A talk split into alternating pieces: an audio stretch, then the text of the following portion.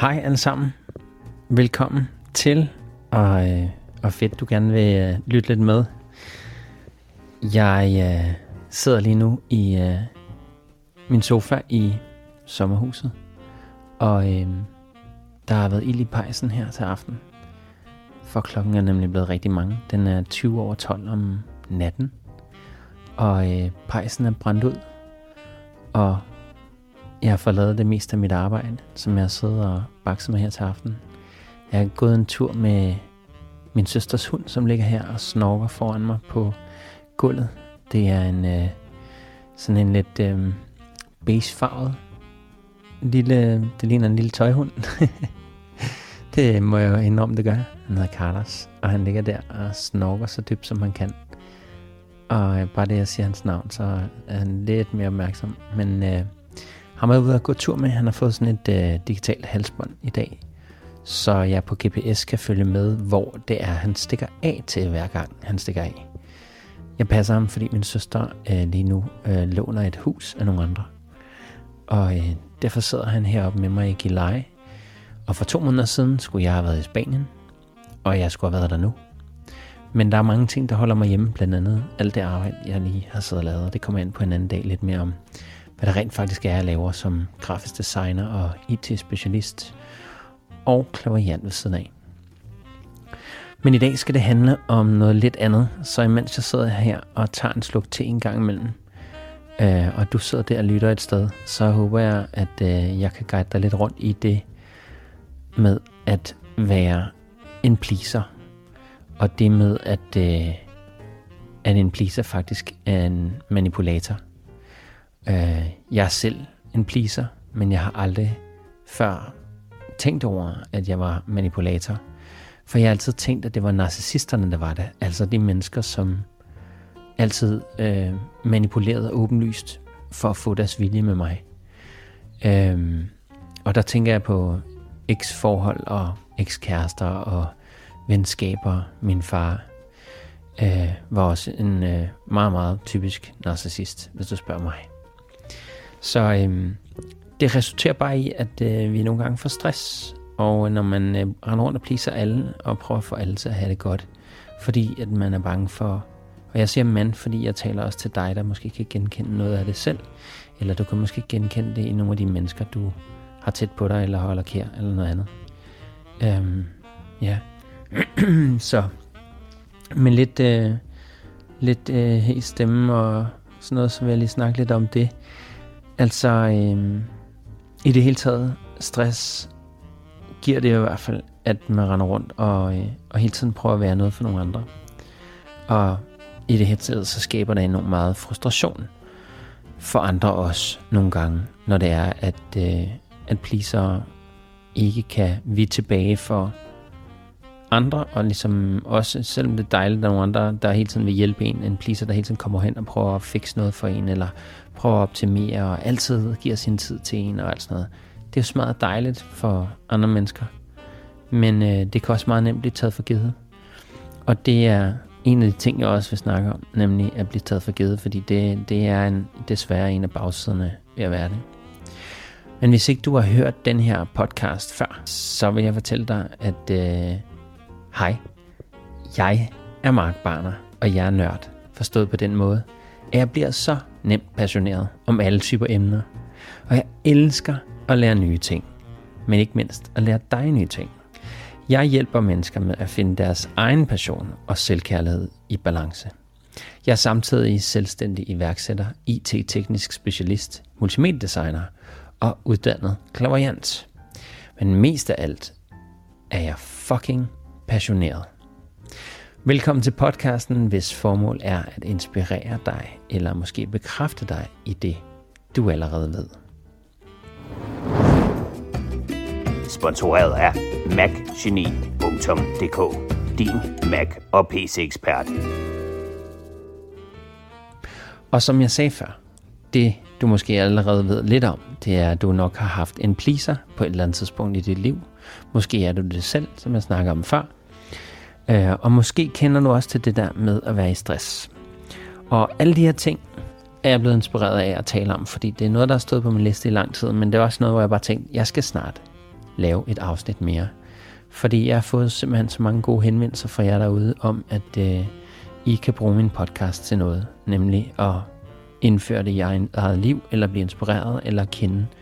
Lære at se sig selv i spejlet øh, gennem min podcast og min snak. Øh, ja, så, øh, så jeg blev først og fremmest inspireret af min øh, veninde, der ringede til mig i går.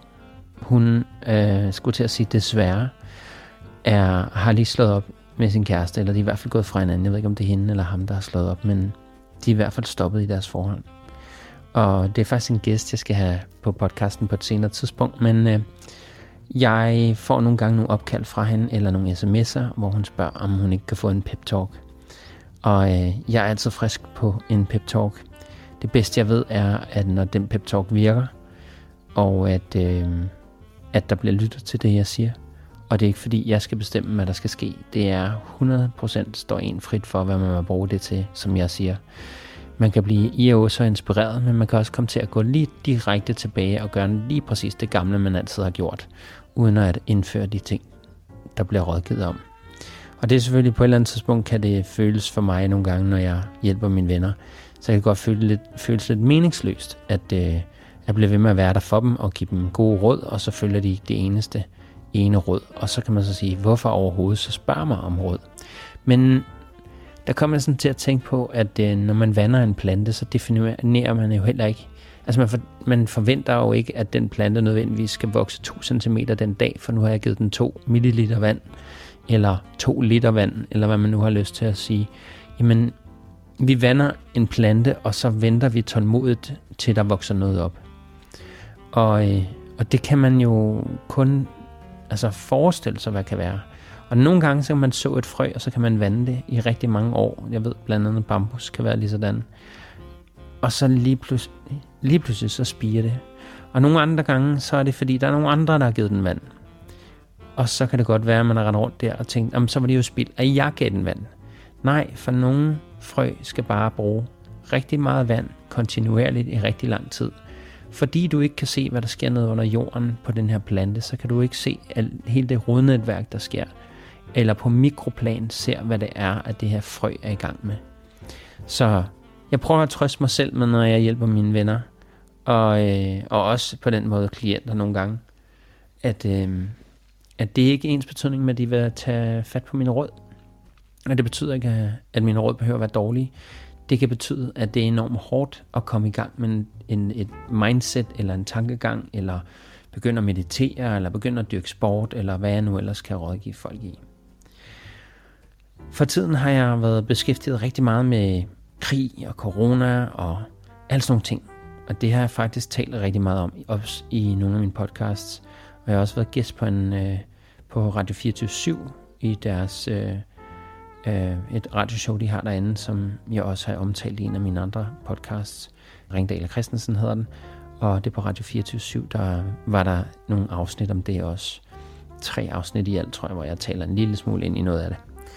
Og, øh, og så havde jeg også en, en anden afsnit, jeg havde hos en, der hedder Jonas, øh, Jo A.N.A.S., men hans podcast hedder Univers, og der er en helt tre timers podcast om mit liv, og øh, om min opvækst, og om rigtig meget om de ting, jeg er passioneret omkring. Så øh, hvis ikke du har dykket ned i alle mine podcasts endnu, og bare gerne vide lidt mere om hvem jeg er, hvad jeg er for en, så øh, kan du hoppe tilbage til Univers og høre det allerførste afsnit, hvor jeg er med på hans podcast, der også ligger på Spotify og øh, Apple Podcast osv.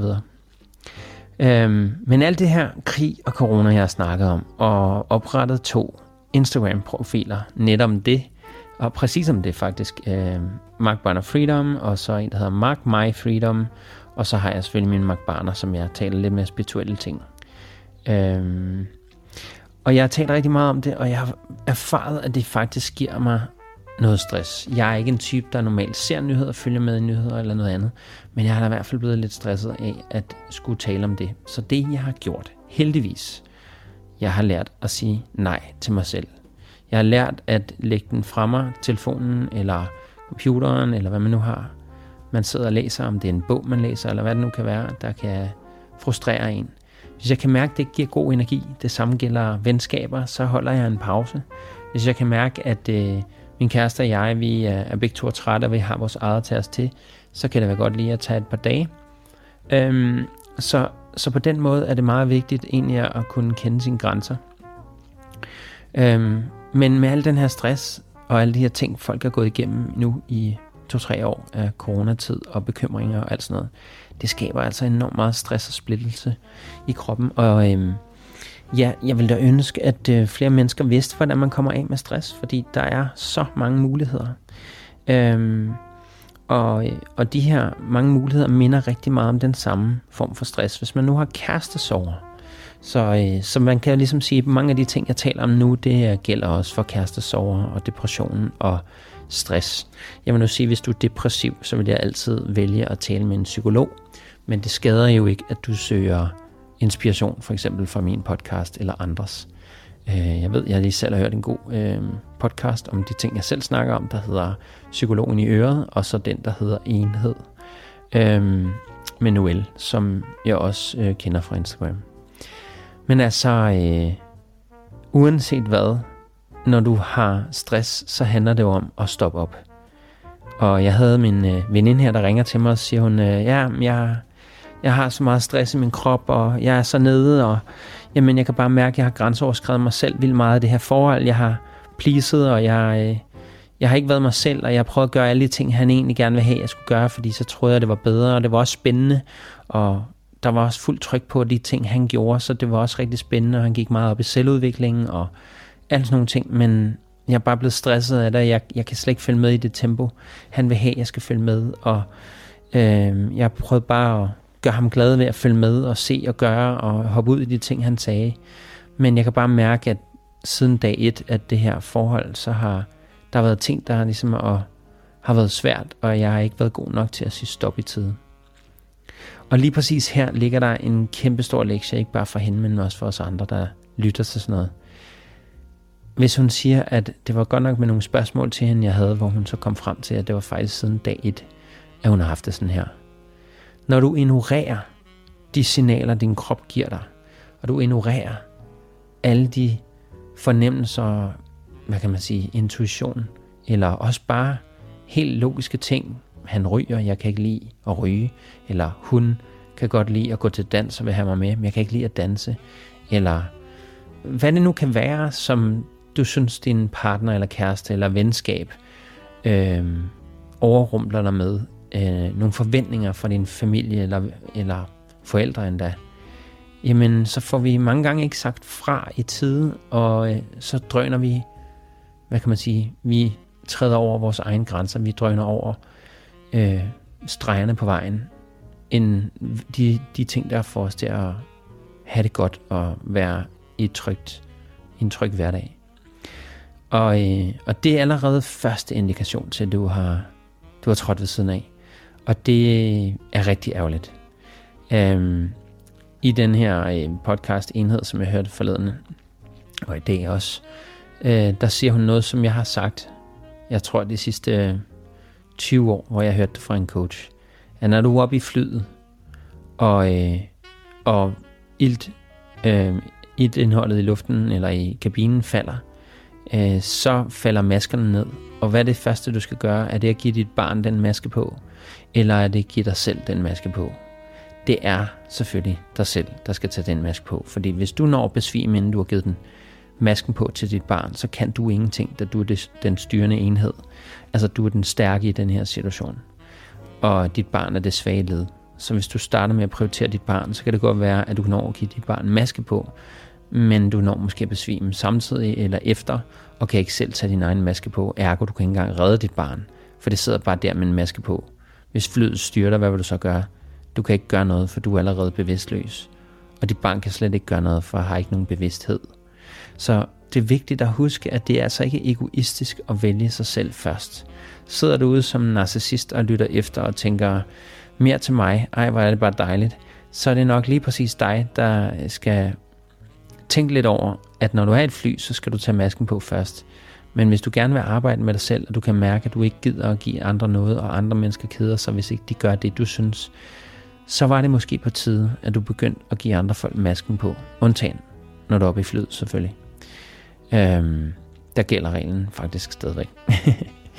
så, så til os pleasere, som har det med at miste os selv i vores relationer, komme til at gøre for meget for andre, blive øh, nedprioritere sig selv. Øh, vi har svært ved at tage imod ros, vi har svært ved at anerkende os selv, og vi tror, vi hele tiden skal udrette noget for at være gode nok. Jamen, øh, det her det er dit wake-up call. Tag nu den maske på. Selv. Først. Det nytter ikke noget, du render rundt og prøver at redde alle andre. Det er manipulation. Hvorfor prøver du at redde andre? Hvorfor prøver du at være noget for andre, når ikke du kan være det for dig selv? Det er meget enkelt. Hvis du skal elske et andet menneske, så skal du lære at elske dig selv først. Og det betyder altså at kunne lide dit eget selskab. Det betyder altså at kunne sidde alene i din egen sfære, i dit eget rum, holde rum for dig selv, som man siger. Holde rum betyder bare, at man kærligt og omsorgsfuldt er til stede med sig selv, eller med andre, hvis det er, at man holder rum for andre. Og, øh, og det er jo den ting, der er allervigtigst ved det, det er, at man har ro. Og den ro kommer ikke af, at du altid stresser afsted og gør alle mulige andre glade hele tiden, og hele tiden stresser afsted for at gøre noget. Det er faktisk fuldstændig modsat virkning. Det fjerner dig fra dig selv. Så jeg håber, at, det, at sådan nogle ting, det kan hjælpe dig lidt til at, øh, at se, at, øh, se dig selv i spejlbilledet her. Fordi at, jeg taler i hvert fald af erfaring, at jeg har rigtig mange gange pleaset alle andre end mig selv. Og jeg kan nærmest fortælle dig, at ja, 30-60% af gangene, når jeg har pleaset alle mulige andre før mig selv, så ender jeg med at blive taget for givet. Jeg ender med at blive såret. Jeg ender med ikke at blive anerkendt, fordi jeg er så ops på at blive det. Så min motivation for at please andre, det er, at så kan de jo bedre lide mig, eller så undgår jeg en konflikt. I min opvækst med min narcissistiske far, der var det jo bare med at sørge for, at alting var bare til, på spidsen af, af alt det, han gerne ville have. Sådan, øh, hele, alt var tilrettelagt, sådan, så han øh, kunne have en god dag. Fordi hvis han ikke havde en god dag, så gik det ud over os alle os andre. Og især mig, fordi jeg var den mindste. Og øh, jeg var min mors på det tidspunkt yndling, fordi jeg var 6 år ældre, eller yngre end alle andre. Øh, så var jeg jo den, den lille efternøler. Og, øh, og ja, eller 9 år yngre end min søster også. Ikke? Så jeg var virkelig efternøler. Og, øh, og det gjorde bare, at min far synes, det var død irriterende, fordi han fik ikke han var narcissist jo, så han fik ikke opmærksomhed fra min mor på samme måde. Narcissister har svært ved at, hvad skal man sige, de ser konkurrence i alle mennesker. Så hvis øh, du er i forhold med en narcissist, så synes de faktisk, det er irriterende, at du giver hunden opmærksomhed. De synes, det er irriterende, at du øh, giver dine veninder opmærksomhed. De synes, det er irriterende, at... Og det er ikke sådan, at alle narcissister er sådan, men det er ret sådan klassisk tegn i hvert fald. I min optik øh, og min erfaring. Øhm, så vær opmærksom på det, hvis det er, at du er sammen med sådan en. Men øh, altså, øh, mit første råd til min veninde var at sige, hvordan er du stresset? Ah, men hun kunne slet ikke slappe af, hun kunne slet ikke sove, og hun havde det svært, og det var hårdt, og hun havde lyst til at tage medicin for det ene og det andet, og øhm, at få øh, terapi, og nogle andre psykologer og terapeuter skulle hjælpe hende ud af det her, og sådan nogle ting. Og det skal lige siges, at hun i forvejen har en stor svaghed for at øh, projicere alle sine problemer over på andre, der skal hjælpe hende med at løse dem, og så derved ikke sidde med dem selv. Og der har jeg lavet en post på min Instagram, der hedder Sit With It. Og det er bare at sidde med sine følelser, og det er pisse svært. Det er pisse svært, fordi at du skal jo sidde og mærke dine dårlige følelser. Men her er så endnu et wake-up call. Der findes ikke dårlige følelser. Simpelthen ikke. Det er dig, der dømmer dem dårlige. Der findes bare de følelser, der dukker op i din krop. Og nogle gange er det ikke til at forstå. Nogle gange er det svært at give dem plads. Og nogle gange er det vildt ubehageligt. Jeg ved selv, at jeg på det seneste har fundet ud af, at jeg åbenbart har meget mere angst, end jeg ellers troede, jeg havde. Det er simpelthen blevet trigget af nogle forskellige ting, at jeg er blevet påmindet om, hvor meget angst jeg faktisk har igennem min barndom, kvæg at vokse op med den far, jeg har haft. Men altså, jeg ser til min veninde der, okay, du har alle de her symptomer, hvor er det fantastisk. Så siger hvad mener du? Som det er skønt. Det er ligesom lige som det skal være, at du har så mange problemer, og din krop den gør alt muligt, og du kan ikke forstå det. Hvor er det bare perfekt, at din krop endelig er begyndt at sige fra, når nu din bevidsthed ikke har fået sagt fra. Hvornår havde du første gang issues med, med ham og de ting, han gerne vil, og problemer i forholdet, eller noget, som du så som være dømt som et problem? Nå, men allerede fra første date, som jeg nævnte før. Og så sådan lidt, mm, okay, så du har ignoreret din intuition og dine lyster og din egen indføling i så lang tid. Hvad havde du regnet med, der skulle ske? Du bliver ved med at overskride dine egne grænser. Du bliver ved med at gøre ting for ham, som du ikke har lyst til at gøre. Og det er ikke fordi, du er et dårligt menneske, at du ikke har lyst til at gøre det. Det kræver et overskud. Og hvis man hele tiden lever en andens liv, og hele tiden lever op til andre folks forventninger, eller sine forældre eller noget andet, så mister man sig selv. Det er dejligt, at der er nogle andre folk, der har ambitioner på ens vegne. Det er dejligt, at du selv har høje forventninger til dig selv. Men der er der altså ingen grund til at have. Det er ikke fordi, du ikke må have nogle mål i livet eller noget andet. Men at have så høje forventninger til dig selv, at du ikke engang ved, hvordan man slapper af, det lyder enormt usundt. Og jeg ved det igen, jeg er selv lige sådan, og jeg arbejder selv med det.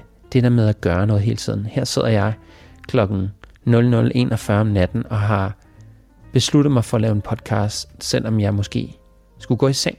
For jeg skal også nævne for dig lige om lidt, at en af de ting, der er rigtig vigtige, hvis man er stresset, og jeg er ikke stresset lige nu. Men en af de ting, der er enormt vigtige, det er, at du får din søvn. Men ja, det skal vi nok komme til. Jeg prøvede at guide hende i det og sagde, prøv at høre, din krop har bedt om at få ro i så lang tid. Din krop har bedt om, at du lytter til den i så lang tid.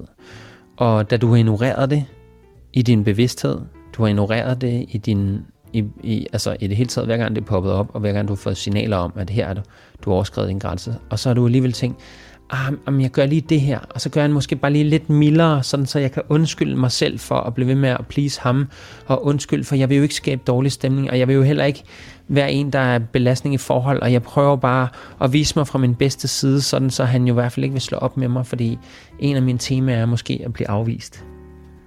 Det er da i hvert fald typisk for de fleste pleasere. Det er den, det er den værste ting, det er at blive afvist eller ikke er anerkendt. Og nu, jeg, jeg bliver nødt til at sætte ting i bås her, så jeg ved godt, at vi alle sammen er forskellige. Men det er bare for at forenkle for dig, der sidder og lytter med, så vi kan have en, skulle til at sige en samtale, men en dialog. Øh, jeg kan have en dialog, og du kan bruge de ting, du nu kan bruge.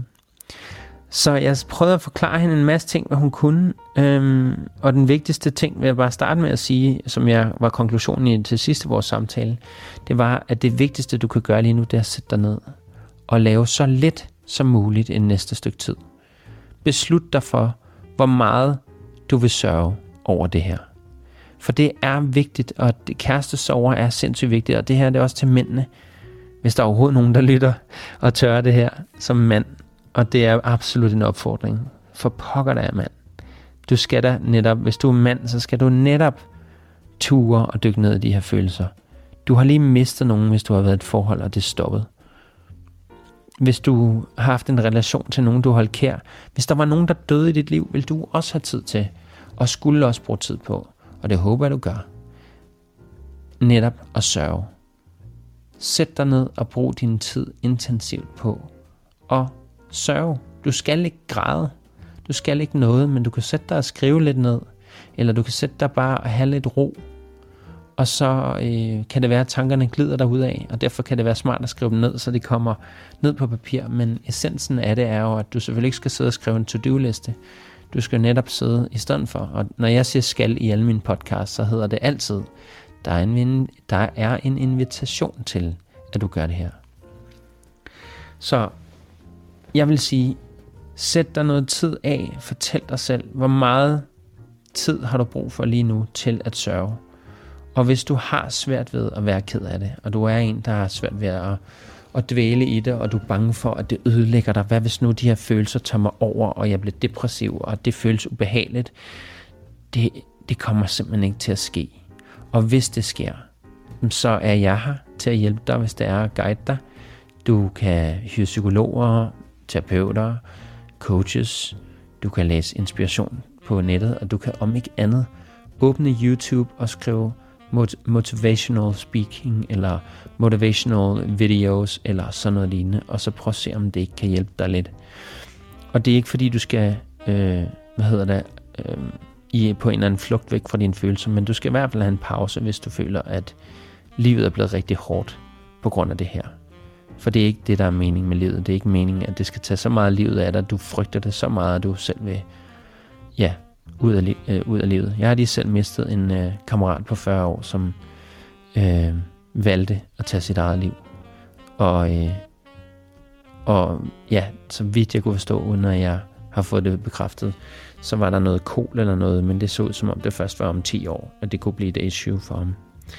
Øhm, så, øh, så jeg vil sige, at, at øh, der var også noget med noget øh, kæresteri, som også var blevet dårligere. Så nogle gange, når der er for mange ting oven i hinanden, der går galt, så kan vi meget nemt få stress.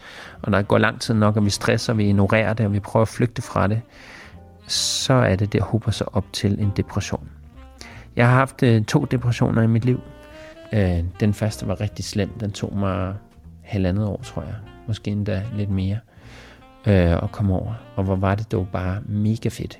Jeg fik jo hjælp af Tony Robbins øh, i en af hans foredrag, hvor jeg tog ind og så det og lærte, at, at vi har nogle trigger points, hver gang vi bliver ked af det. Lad os sige, at du står med morgenkaffen i hånden. Nu sidder jeg i hvert fald med teen i hånden og tager en slurk. Og øh, skulle vi forestille os, at jeg tabte den her på gulvet på en dag, der allerede var dårlig, eller en dag, hvor jeg allerede havde stress, eller jeg havde depression, så kan det føles så uoverkommeligt at tabe sådan en kop. Og hele kroppen har et reaktionsmønster, som typisk er en anden form for en offerrolle. Sådan, åh, eller vrede, fuck, et eller andet, og smadre ind i et eller andet, eller stampe i jorden, eller råbe, eller noget andet. Vi har typisk en eller anden form for adfærdsmønster, når sådan nogle ting sker. Når du lægger mærke til det adfærdsmønster, så lærte Tony e. Robbins mig, at det bedste, man kunne gøre, det var simpelthen at tage hænderne over hovedet, fordi rent fysiologisk, så øh, har det en positiv effekt på dig, når du gør det. Ligesom når du ser en cykelrytter vinde et cykelløb, så tager han også hænderne over, eller nogen, der vinder et løb. Hænderne over hovedet, og så siger han yes. Og det lyder så fucking dumt, hvis man ikke har arbejdet med sig selv før. Hvorfor skulle jeg stå og råbe yes, når jeg taber en kaffekop? Det giver ingen mening. Jo, det er simpelthen hacking af dig selv. Mentalt hacking af dig selv. Forstå, hvad der sker i din biologi, i dit hoved, i din krop, når det er, at du sænker hovedet, sænker stemmen, sukker sådan, øh, hvilket er en ret god ting i øvrigt at, at sukke, fordi det kan nulstille øh, dit nervesystem. Men det er også mange gange, folk har det en, en, som en respons til at tabe ind i en gammel vane i, hvordan vi agerer på vrede.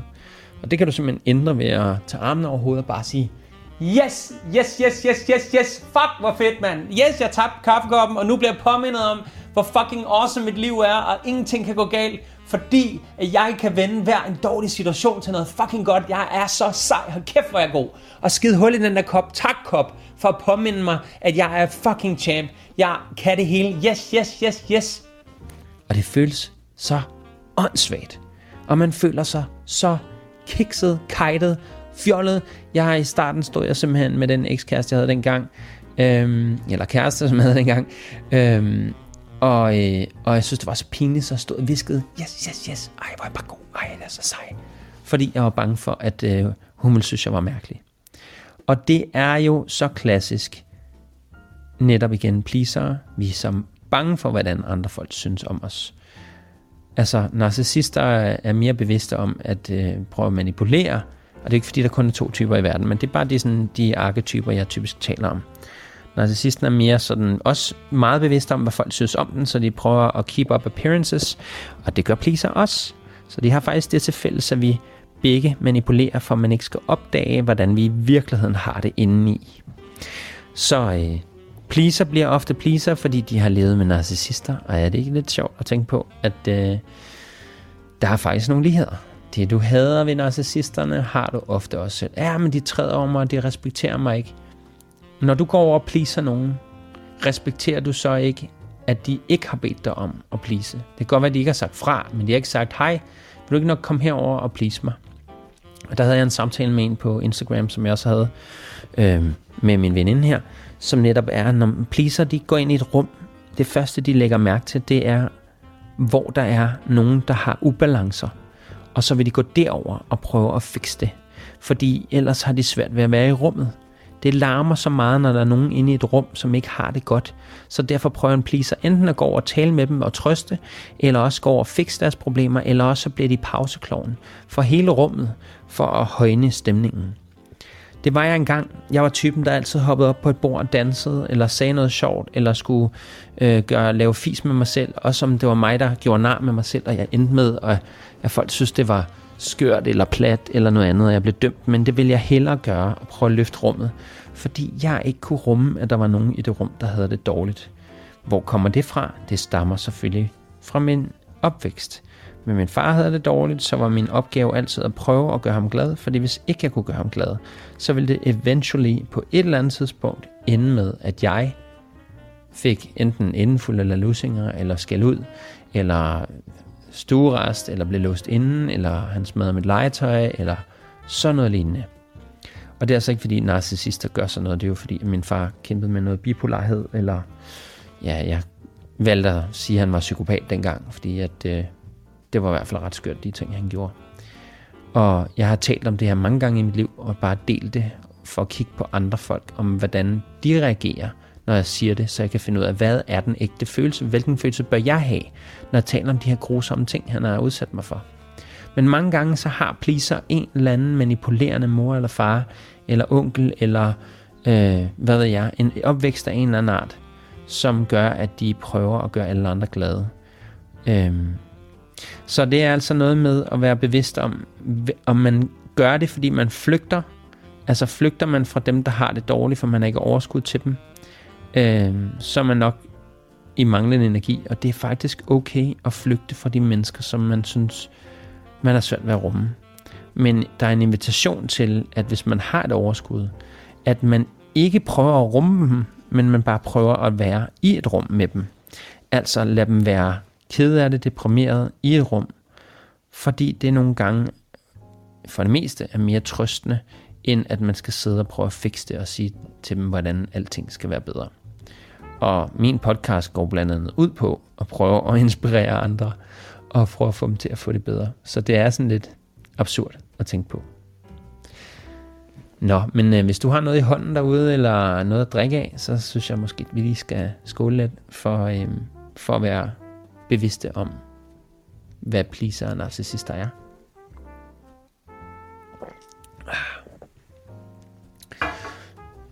Nå, men for at komme lidt øh, tættere på det, så sagde jeg til hende, min veninde, der var, havde kærestesover, synk nu bare ned, helt ned i hullet. Hun sagde, om jeg føler, at jeg er sådan en hul, så sagde jeg, hvor fedt mand, fedt du har bevidsthed på det. Synk helt ned i det hul der. Ej, ej, det er så ubehageligt. Altså, jeg vil bare gerne have, at nogen kan hjælpe mig med det, og jeg vil bare gerne ud af det, og kan jeg ikke få noget healing af en eller anden, eller kan jeg ikke sådan blive guidet ud af det? Kan du ikke sige et eller andet, der kan få mig ud af det? Så nej, jeg, jeg, jeg synes hellere, du skal være der. Ja, altså det hul er der jo af en årsag. Og hvis du er sunket ned i det, hvorfor er det, du har så travlt med at komme op af det? Hvorfor undersøger du ikke, ligesom alt muligt andet, hvad det er, du er sunket ned i? Hvorfor leder du efter en exit, og hvad skal du med den exit? Hvis du har brugt flere måneder på at, over, at, at overrule dine egne følelser, eller øh, ignorere dem, så skal du også regne med, at du skal bruge flere måneder på at connecte med dig selv igen, din krop og dit sind og din bevidsthed. Det er det, hullet er lavet til. Ja, men øh, min økonomi kører heller ikke, og det er som om, at alting står stille på det. Godt. Hvor er det fedt. Du har fået et frikvarter til at dykke ned i det her. Brug nu tiden på det. Livet skal opleves. Også de følelser, der er tunge. Også de følelser, der er gode. Vi skal prøve at se, om vi kan opsamle det hele selv. Dårlige oplevelser gør os til bedre mennesker. Hvis du spørger øh, ja, nogle af de største ledere i verden, hvordan de har fået succes, så vil de ofte fortælle, at de har ikke altid haft succes. De er jo ikke sådan som om, at de bare er startet et liv, og så havde de succes med det samme. De fleste mennesker har brugt tusindvis af timer. Man plejer at sige, at man skal bruge 10.000 timer til at blive ekspert i noget. Men mange gange så har de startet virksomheder, der er gået konkurs. Mange gange er de gået fra hus og hjem flere gange, før de har fået succes. Man lærer så meget af dårlige oplevelser. Og nu siger jeg dårlige, jeg har lige fortalt dig før, at der faktisk ikke er nogen grund til at dømme dem dårlige. men bare oplevelser, der ikke går i den retning, som du troede, du skulle i, som du gerne ville i, eller arbejde dig imod. Så dårlige oplevelser gør os til bedre mennesker. Øhm, og og det, det gør de simpelthen, fordi vi lærer vores fejl. Så er du typen, der ikke lærer dine fejl, så er det, fordi du mangler strategier. Så start med at skrive ned, hvad du har gjort, og hvad vil du gøre bedre næste gang. Øhm, og det, de ting, som jeg blandt andet anbefaler min veninde her, når, når hvad hedder det, man taler om sådan nogle her ting, det er, at, øh, at simpelthen prøve at lave en tilfredshedsliste. En, faktisk sagde jeg en taknemmelighedsliste. Og en taknemmelighedsliste er ret enkel. Den er jo sådan, at man skriver 10 ting ned hver morgen, man vågner. Helst hver morgen, fordi så tager du de her ting med i resten af dagen. Men du skriver 10 ting ned, som du hver dag tænker er noget, du er taknemmelig for.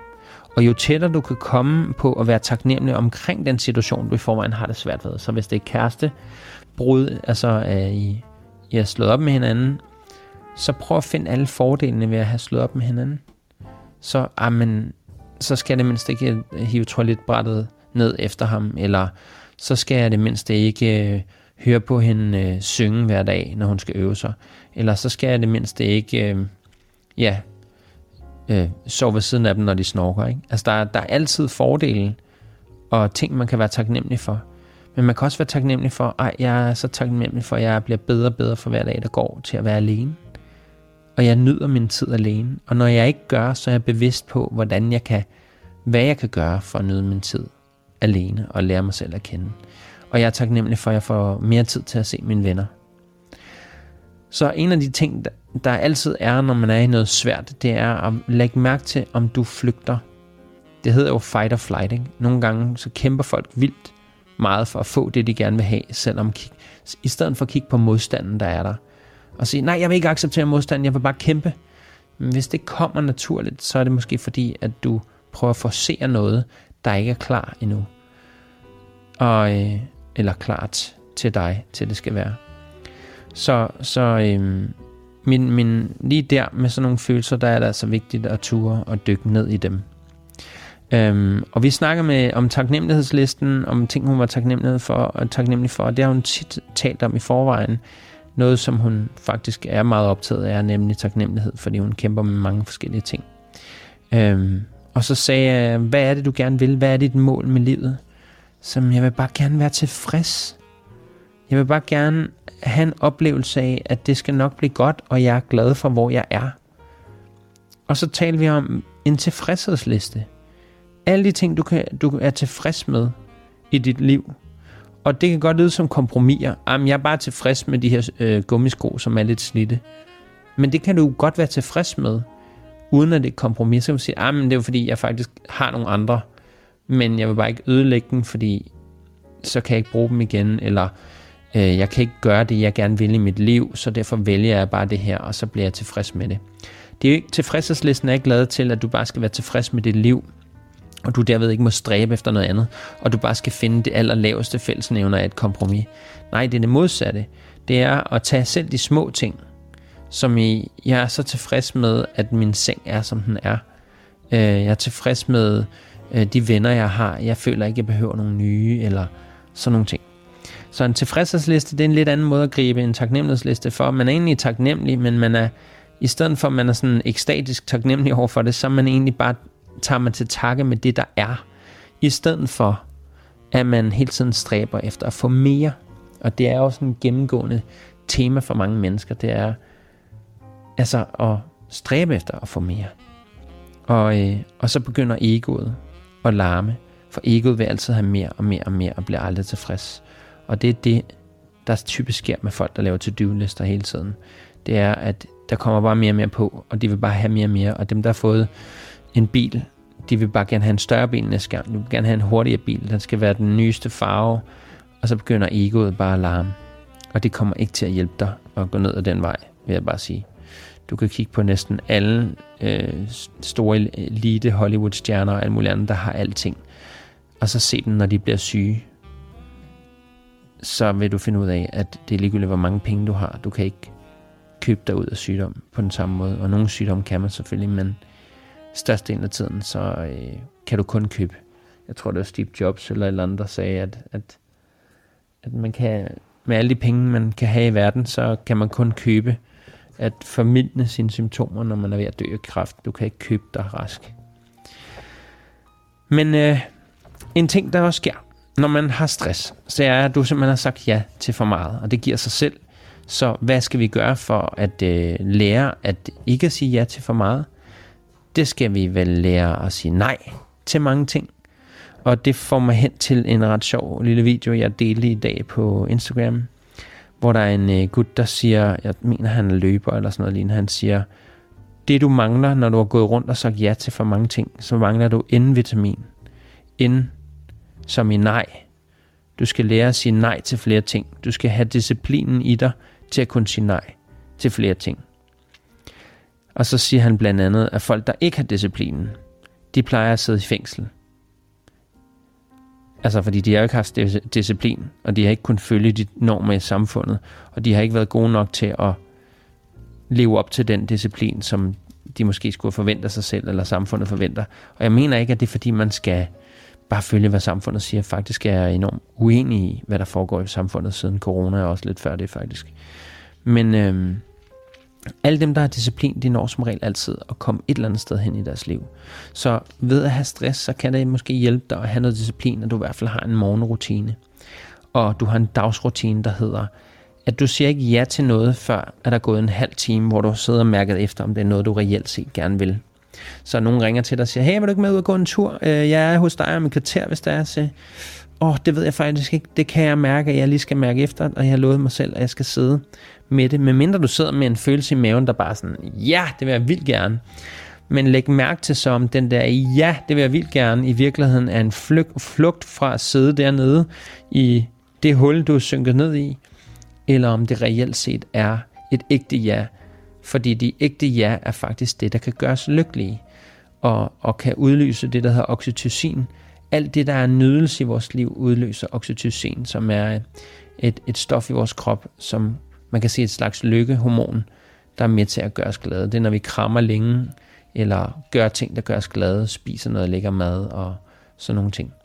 Så øhm, en rigtig god ting at undersøge, hvordan du kan få mere oxytocin i din verden. Det vil at gøre flere ting, der gør dig glad. Og så skal du huske, hvis ikke du gør det, og man ved også for folk, der har stress og, eller depression eller er nede, jamen øh, jo mere de er bevidste om de her stress, jo mere negativ effekt har stress på dem. Fordi stress kan faktisk have en enorm positiv påvirkning på dig. Der er det, der hedder sund stress, hvor at du bliver fokuseret, din adrenalin kører, din øh, øh, hvad hedder det, øh, det hormon, som øh, kortison hedder det, som øh, er med til både at nedbryde nogle ting i din krop, men det er med til også, at du ikke kan mærke smerte lige så meget. Så der er nogle rigtig gode ting ved stress, som bare man ikke er det i, i det for længe. Og det er jo også derfor, at øh, jeg er ikke for medicin for, til folk, der, der er stresset eller deprimeret, med mindre det er så gralt, at de ikke kan komme ud af det med almen terapi. Og hvis man er på piller, så vil jeg sige, så skal man også være i terapi. Sådan så formålet med terapien er at komme af de piller. Jeg kender mennesker, der tror, at de bare skal være på de piller hele tiden. Og det vil kun ødelægge dig, og det vil kun fjerne dig fra dig selv endnu mere. Medicin er ikke fremtiden, hvis du gerne vil være i balance med dig selv. Naturmedicin er fremtiden, for det er egentlig bare at spise en sund varieret kost, hvor du får nogle af de her mineraler og vitaminer, der hjælper, til at, hjælper dig til at gøre dig glad. Og apropos glad, har jeg lige sagt til dig, god mad er blandt andet noget, der udløser oxytocin, chokolade og andre ting også. Øhm, men stress nedbryder altså vores krop, hvis vi ikke vil gøre noget i det. Og, øh, og derfor øh, er det også vigtigt at fokusere på, at der kan faktisk være positive ting ved stress. Jeg troede, øh, jeg har arbejdet med positiv stress i mange år i min virksomhed, men jeg kan godt mærke, at den vendte sig til at være negativ stress, for jeg kunne mærke, at jeg ikke havde tid til mig selv. Og det er det vigtigste, man kan gøre, når man er stresset, det er, at man bruger al den tid på sig selv, man overhovedet har brug for. Og det betyder nemlig, at du er god nok, uanset hvad du beslutter dig for. Så længe du grænder rundt og laver ting hele tiden, og har en anden to-do, og skal alle mulige ting, og skal præstere og imponere og alt sådan noget. Det er bare at lave så lidt som muligt, og sidde med den følelse, du har.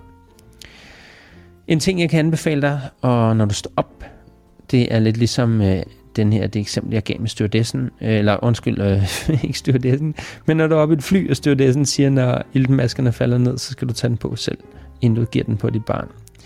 Der siger jeg hver morgen til mig selv, fordi jeg er pleaser, og fordi jeg kommer til at tage folk øh, mere seriøs, end jeg tager mig selv seriøst. Altså jeg har det med at være der for andre mere, end jeg er der for mig selv. Så den måde, jeg husker mig selv på at være i balance og være i autenticitet med mig selv, og integritet med mig selv, altså holde, hvad jeg lover over for mig selv, så siger jeg, jeg kommer først.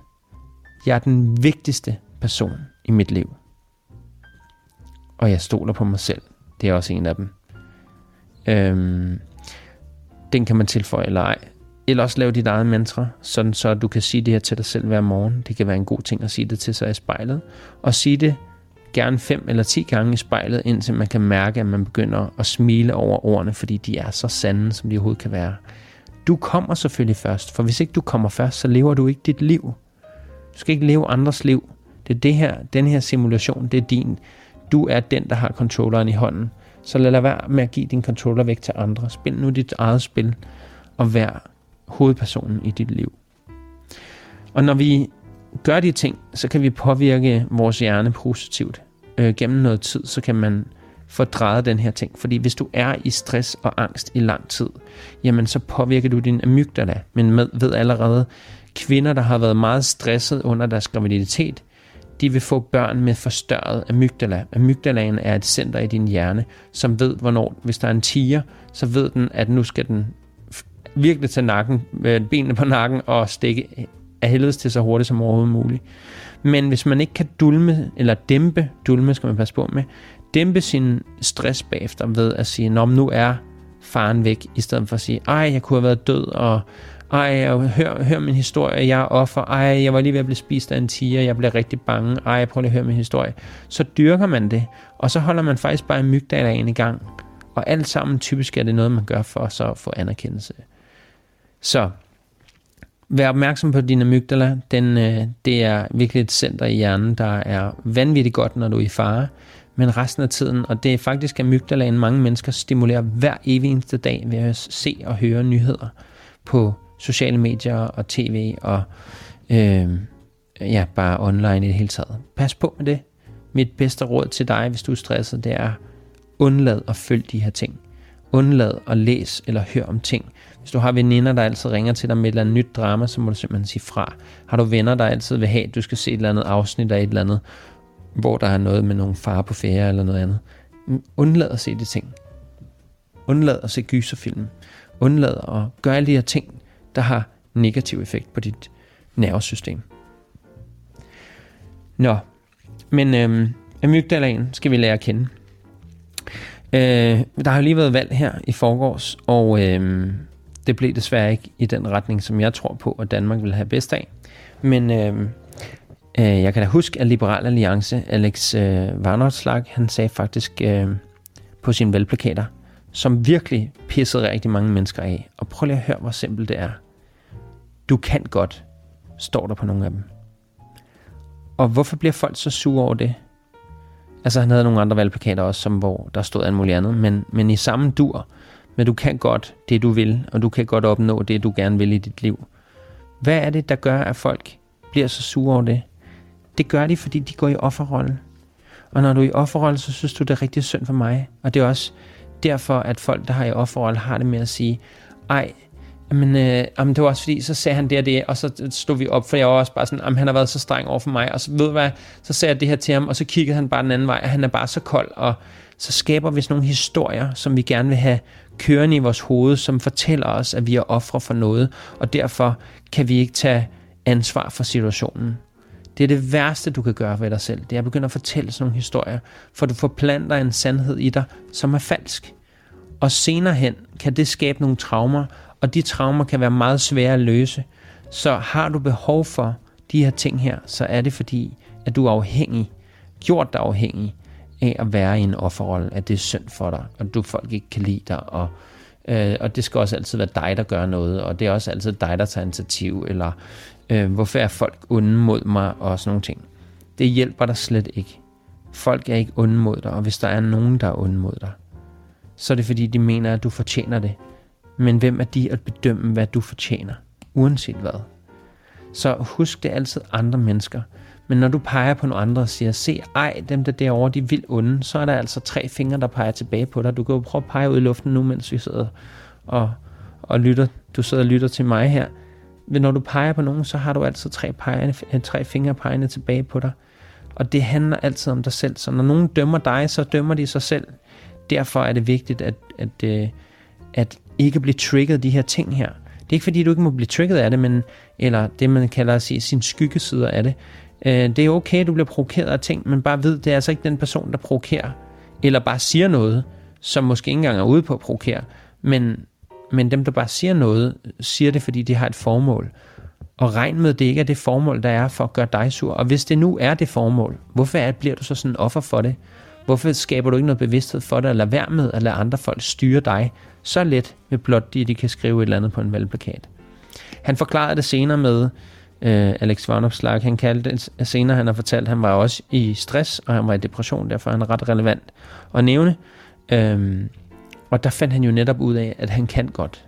Han kan godt komme ud af det, og der er faktisk nogle ganske udmærkede øh, videoer, hvor han taler meget ærligt om sin øh, hårde tid. Og du behøver ikke være ærlig, øh, enig med hans politik for at kunne se dem. Du kan godt finde noget empati frem i dig selv til at se noget, der ikke altså der har noget med mennesker at gøre, du ikke er enig med dig med i mange andre ting. Det betyder ikke, at du ikke kan lære noget af deres erfaringer. Så det gælder jo også for mig. Hvis du ikke er enig i mange af de ting, jeg siger, så er det jo bare op til dig. Det betyder jo ikke, at du ikke kan lytte til det her. Nå, men øh, som jeg sagde tidligere, offerroller er usunde. Så hvis du er en offerrolle, og det startede jeg også med at sige, så beslut dig for en udløbsdato for offerrollen. Den tjener dig ikke på det lange løb. Så find ud af, om det er bare et par uger, du skal ligge og føle dig som et offer. Og når din øh, alarm går på din øh, telefon, som du selvfølgelig har sat, så du kan huske, nu er udløbsdatoen for øh, offerrollen udført, og nu har jeg sov, øh, sørget også. Øh, der er også en anden alarm, der ringer for den måske. Øhm, og jeg har haft ondt af mig selv og sådan noget. Det må man godt have. Det er okay at have ondt af sig selv. Offerrollen er okay at have. Men det meningen med offerrollen, det er, at vi tør at træde ud af den igen. Hvis vi lever i en offerrolle, så lever du med et belastet nervesystem, fordi du faktisk ikke tager vare på dig selv, og du ikke tager ansvar for dit eget liv. Men du bliver dermed et offer for dit eget liv, fordi du gerne vil projicere dine problemer over på nogle andre. Så man skal huske på, at øh, i sådan nogle her situationer med breakups, der er altid to sider af et breakup. Det kan være, at den anden person føler, at de er offeret. Og så i diskussioner og samtaler om at formidle og prøve at se, om man kan finde hinanden igen, så kan man måske blive trigget af, at den anden person har så ondt af sig selv og synes, at det er så slemt, og det er faktisk så dig, der er den slemme. Og så kan man stå og lave noget togtrækkeri. Men man skal bare vide, at der er to sider af hver sag, så uanset hvor meget du synes, at det er den andens persons skyld, eller det er din skyld, så er det ikke sikkert, at I har samme opfattelse af, hvad der er sket. Jeg ved i hvert fald fra jeg selv slå op med en kæreste en gang, hvor hun havde angst, og hun øh, skubbede et tørstativ over i hovedet på mig, og jeg følte mig virkelig som et offer, fordi hun slog mig også på et tidspunkt, eller sådan skubbede til mig og slog mine hænder væk, fordi jeg prøvede at hjælpe hende med at falde ned. På den måde, jeg vidste, troede var bedst, ved at flytte hende for rummet og sætte hende på en seng så vi kunne snakke sammen. Og, og der på det tidspunkt, der ved jeg bare, at for hende føltes det som et overgreb i sin, i hendes stress. Men at hun skubbede mig væk og mine hænder væk og slog til mig, fordi jeg prøvede at styre situationen og hjælpe hende ud af det. Jamen, hendes adfærd og hendes måde at kaste med et tørstativ i hovedet på mig og så videre, øh, det såret mig så dybt, at jeg endte med at føle, at jeg var offret for, for den her situation. Og det, man kan så sige, det var også hende, der afreagerede på mig, men det gør mig ikke nødvendigvis for et offer, for hun var jo allerede offer for angst. Som hun så også selv har kreeret sig selv, men igen, det kan være svært, når man har angst, at bare træde ud af det. Det har jeg da efterhånden lært her på det senere stykke tid. Øhm, og det kan komme ind i en anden podcast. Men jeg nævnte lidt om det tidligere, at, at, øh, at jeg opdagede, at jeg også har noget angst en gang imellem øhm, som nok kommer af mange ting, men det er ikke noget, der styrer mig, det er bare noget, jeg bare lige lægger mærke til at dukke op en gang imellem. Men hendes opfattelse af, hvad der er sket, var slet ikke samme historie som min. Så selvom vi er rigtig, rigtig gode venner i dag, så er det en af de emner, vi aldrig rigtig får snakket ud, for vi har ikke, vi kunne lige så godt have været to vidt forskellige steder henne. Vi har slet ikke samme side og samme oplevelse. Så det skal du vide. I et breakup, der er det altså okay at to forskellige oplevelser. Der er noget, der er sandt for den ene, og noget, der er sandt for den anden. Og måske I er heldige at være, få talt det ud. Øh, mest for din egen fremtids healing og din par, ekspartners sammen fremtidig healing. Så er det altid godt at snakke de her ting ud. Især de svære ting og bare simpelthen få det nævnt og få smidt det på bordet. Hvad har du at miste? Du har allerede mistet dem. Du kan lige så godt bruge det til at fikse jer. Og nu mener jeg ikke fikse jer sådan, at det, øh, det ikke er okay bare at gå med de følelser af sorg og alt muligt andet. Men jeg mener bare, at hvis der er noget, der kan forløse sig ved, at du taler det ud, så vil jeg altid vælge den vej. Øhm, så, øhm, så hvad hedder det... Øh, ja, jeg, jeg mindes faktisk om, at, at det her, jeg nævnte tidligere, at stress er så dårligt for dig, og når der er to tider, af, en, af to forskellige sider af sagen, så oplever folk det meget forskelligt. Jeg havde engang øh, nogle, nogle øh, venner, som, øh, som jeg så meget til, og vi gled fra hinanden af mange årsager. Men øh, jeg kan huske, at de prøvede at få et barn, mens de var enormt stressede, og de gik faktisk ikke fra hinanden eller noget, det var, så det har ikke relevans til det, men det har relevans i forhold til at blive sammen og være i parforhold sammen. De dyrkede nogle gange, efter min mening, deres angst, deres depression, alle mulige andre ting, fordi de hver gang, at en af dem var nede, så var det som om, at så skulle man gøre en masse ting. Så skal man bare lige have den seneste bil, så skal man bare lige have huset klar, så skal man lige fikse køkkenet. Alle de her ting skal lige være på plads, fordi så kan man lidt nemmere bare ligge derhjemme og have stress, eller være deprimeret, eller sådan noget lignende. Men det resulterede bare i, at når den ene var nede, så brugte den anden al energien på at prøve at få dem op. Og når de så kom op, så var den, der lige brugt al energien, faldt så ned i det hul igen. Eller et andet hul af deres eget. Og det vil sige, så har du bare sådan en ond cirkel, at man hele tiden går og presser citronen og prøver at være noget for hinanden, i stedet for at stoppe med at please hinanden og bare lade den anden deal med sit shit. Det kan godt være, du elsker din partner, det kan godt være, de gerne vil have hjælp til det, og så kan du godt hjælpe dem. Men de skal deal med deres eget. Det er helt pointen med alt det her, det er, at du skal deal og tage ansvar for dit eget jo mere du flygter fra det, jo værre bliver det. Jeg, jeg har fået invitationer til depressioner så mange gange, og jeg har flygtet fra dem, så da jeg endelig fik en depression, der slog den mig så meget ud, at jeg, jeg kunne ikke rejse mig bare lige med det samme. Jeg kunne ingenting. Jeg kunne have stoppet min egen seng. Altså, og jeg har håndteret det hele selv, og det er jeg stolt af, og jeg endte med at gå til psykolog. Men den måde, jeg håndterede det, det var simpelthen de der små kampe. Jeg i lige øh, køle te her. Så igen, altså øhm, imens de var på det højeste det her par med stress, så prøvede de så også lige at skulle få barn. Og det virkede ikke naturligt. Og de prøvede, og de prøvede, og de prøvede, og de var så fixeret på det her for endnu en ting, der skulle fikses. Så de kunne få det godt, fordi de ville jo blive glade, når de fik et barn, for det var jo noget, de drømte om. Men de håndterede ikke sig selv. De tog ikke masken på først. Og havde tålmodighed med sig selv. Og det er min tolkning, og det er min oplevelse af, af deres. Jeg coachede lidt den ene af dem undervejs, eller var en god ven undervejs, ved at, at prøve at hjælpe ham.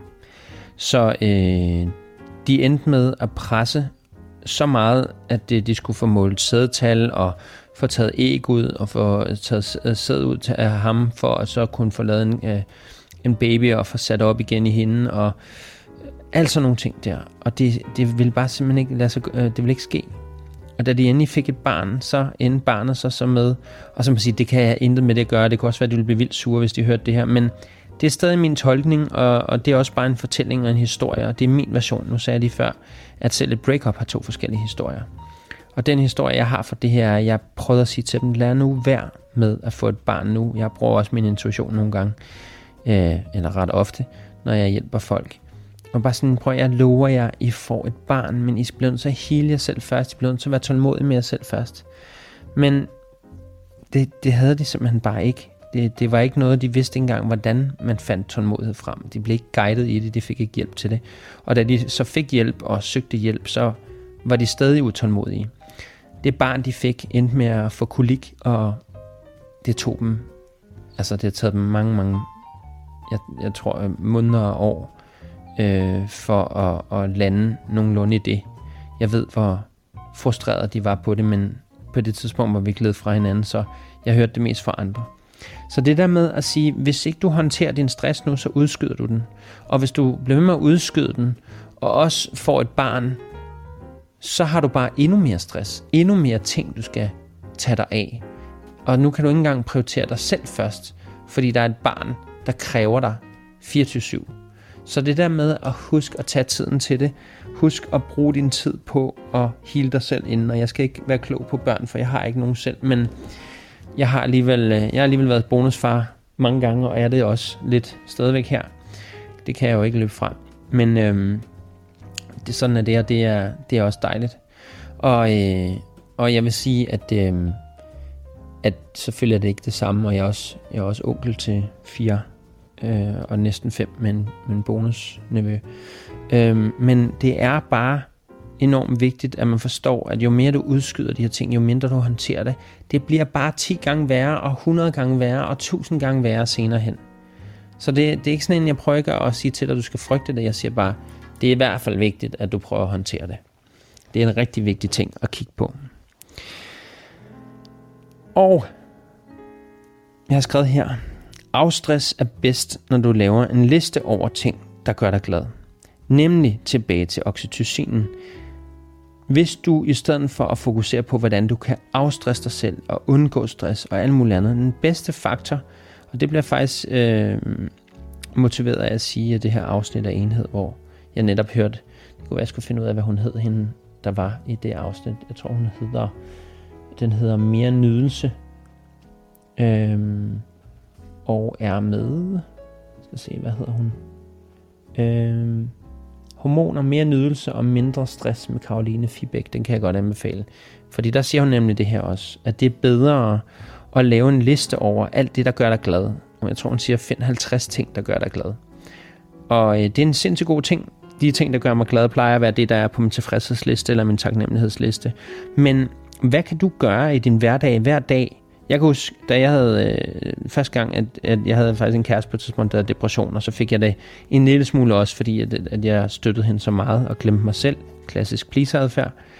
Og det vi gjorde hver eneste dag, det var, at vi så Friends-afsnit. Altså den serie, der hedder Friends. Og øh, en vild god måde at dulme sit nervesystem på. Og, og hjælpe det på vej til, til, en, til en bedre adfærd. Øh, så det kan være sådan nogle ting. Gør noget, som du virkelig synes gør dig glad. Har du en hobby eller noget andet. Det er i virkeligheden generelt, vil jeg sige, har jeg erfaret nu, at øh, jo mere jeg gør det, jeg godt kan lide at gøre, jo mere får jeg lavet. Og jo, jo gladere er jeg. Så jeg prøver at beskæftige mig så meget som muligt med alle de ting, som gør mig glad. Så det er der altså en invitation til at lave en liste, og du kan godt gå og brygge på den her liste over lang tid, og skrive alle de ting ned, der gør dig glad. Du kan jo skrive chokolade på, hvis det er det, eller øh, sex med din partner, ja, gå ud og gå en tur i naturen, eller noget andet. Øhm, det er i hvert fald vigtigt at få det med. Og øhm, og chokolade er faktisk en rigtig god øh, ting. Altså det, det kan dulme dit nervesystem en lille smule, og det taler til lillehjernen. Du bliver faktisk mere lykkelig af at spise chokolade, så, så det er ikke for, for sjov, jeg nævner det. Trods for, at jeg har nikkelallergi, så spiser jeg altså også chokolade. Der er enormt meget nikkel i chokolade, så øh, det er på godt og ondt, jeg spiser det. Men øh, hvis du spiser det kun for at dulme, og du spiser det hver dag, så er det altså ikke længere sundt.